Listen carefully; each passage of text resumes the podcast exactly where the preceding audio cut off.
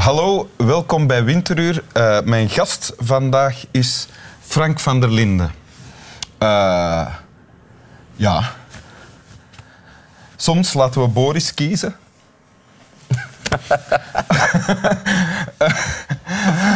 Heel erg welkom, uh, Frank van der Linden, dankjewel, dankjewel. zanger uh, van De Mens natuurlijk, Ja. zanger, gitarist, tekstschrijver van misschien wel de strakste uh, rockgroep van België, samen met de Kids, denk ik. Ehm, en er zou nog heel veel... Is er iets belangrijk dat gezegd moet worden? Nee, dat is het. Nee, ja, Ja. dat is het. Oké. En je hebt een tekst meegebracht, wil je Ja. die voorlezen? Ja. Maar bij het levende leven staat men zelf als medespeler op het draaitoneel in een stuk dat door het toeval of door de voorbeschikking of het fatum of de oerwil wordt geschreven. Er komen ineens personages van rechts op die als een wilde schietspoel door een akte lopen, door een zijdeur afgaan en nooit meer terugkeren. Men krijgt van het leven de indruk dat men staart naar een bewegend tapis roulant.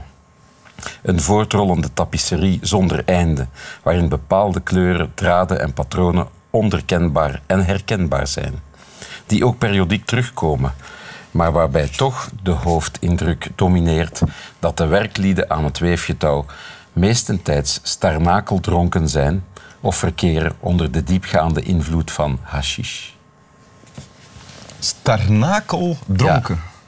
Dat is zo'n woord, je weet niet wat het betekent, maar je voelt het wel. Ja, heel erg dronken, denk ik. Ja, ja, heel erg. Ja. Eh, waaruit komt dit? Dit komt uit het boek eh, geschreven door Willy van der Heijden... Toen ik een nieuw leven ging beginnen... en andere waargebeurde verhalen uit de jaren 50. Ja. En, ehm, en ken je dit al lang? Ik ken dit al lang en ik ken de schrijver Willy van der Heijden al lang. Dat is iemand die mijn jeugd gekleurd heeft. Hij schreef eh, jongensboeken, onder meer. En jij was een jongen? Ik was jeugd? ooit een jongen, ja, in mijn jeugd vooral.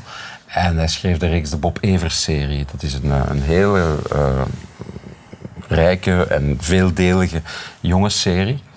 Die ik ontdekte toen ik een jaar of tien was. En dat was dan in 1972. En toen waren die boeken toch al een ehm, twintig jaar oud of zoiets. Die stonden in de bibliotheek, de boekerij Ja. van mijn dorp, Sint-Okkerzeel. In Ja. de boekerij van de pastoor, die niet wist wat hij in huis had, dacht ik, denk ik. Want die boeken waren eigenlijk, als je ze las en als je ze nu terugleest, heel anarchistisch en wild. Goed geschreven, soort jazz en rock en roll op tekst gevat. En ehm, die stonden daar en ik heb die, hoe ik het mij herinner, op eh, twee maand tijd allemaal gelezen. Ik denk dat er eh, tegen de dertig deeltjes van zijn. En je las het toen en je leest het nu nog altijd? Ik lees dat nog altijd, want dat laat zich nog altijd lezen. Ja. Want dit is, want dit is niet een van die Dit is de autobiografie van Willy van der Heijden. Ah, ja. Want eh, wat bleek later? eh, dat Willy van der Heijden, ja, dat was een soort broodschrijver. Die schreef alles. Die schreef ook meisjesboeken als het hem uitkwam.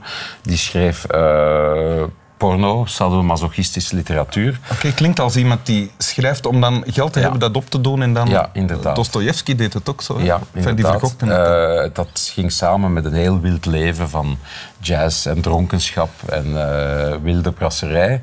En die man is een soort cultfiguur eigenlijk geworden eh, in het Nederland van de jaren 60 en 70 en eigenlijk ook in Vlaanderen. Want dat zijn dingen die ik pas later ontdekt heb. Ik, ik las dat dus als, als jonge man.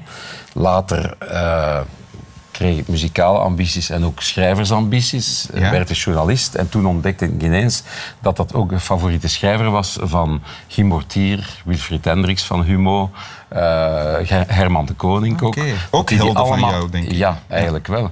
Dat die die allemaal cultiveerde en dat er ook in, bij Nederlandse schrijvers echt een soort cultus ontstaan was rond die schrijver en figuur. Interessant, want Ja. ik heb nog nooit van hem gehoord. Nee. Tot voor nu. De laatste jaren is die een beetje uit de belangstelling eh, gegaan. En ja, het woord cult zegt het, hè. Dat, is niet, dat was niet voor iedereen. Dat, niet iedereen maakte daar zoiets van. Nee. Het is ook geen serieuze schrijver. Maar terug, terug naar, naar het fragment dat je gekozen hebt. Ja. Wat staat daar?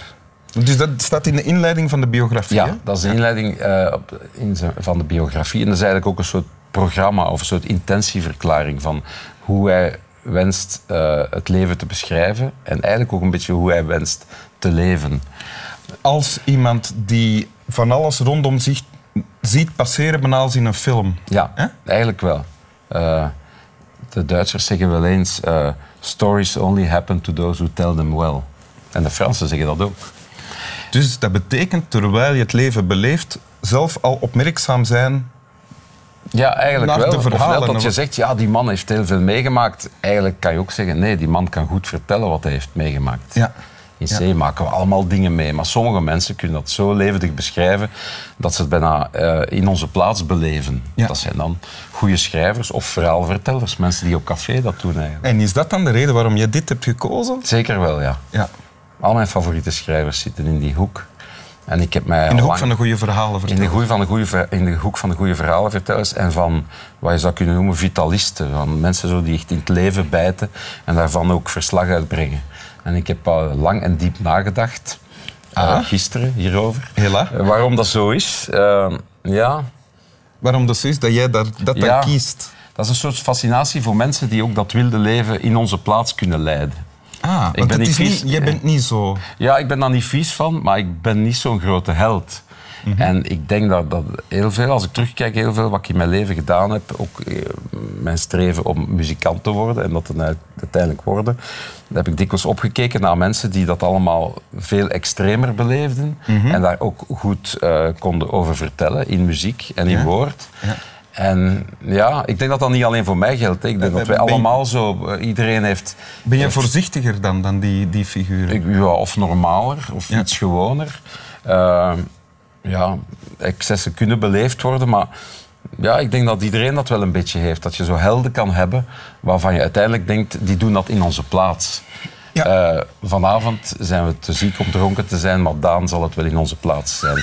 en dat is een beetje, dat is, dat is eigenlijk de functie van rock and roll helden of, of van schrijvers zoals Bukowski of Dostoevsky, Ja. die in onze plaats de extremen hebben opgezocht. En misschien ben jij ook wel dat soort rock-and-roll held in de ogen van sommige anderen.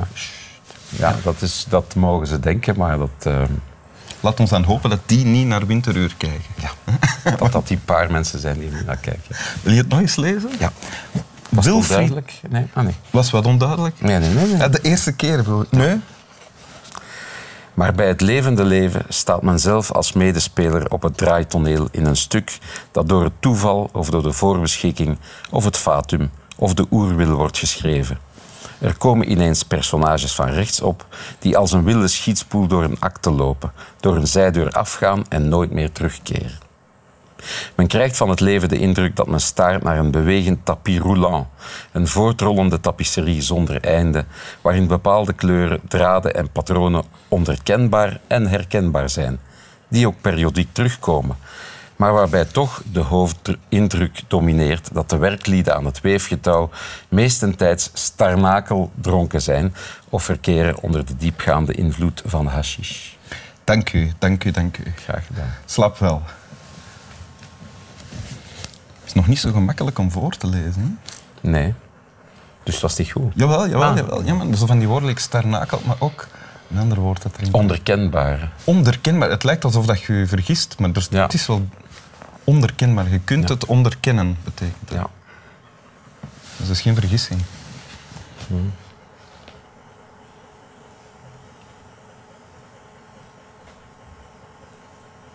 Heb ik al slaap wel gezegd? Ja, toch? Hè? ja. We gaan niet nog eens doen.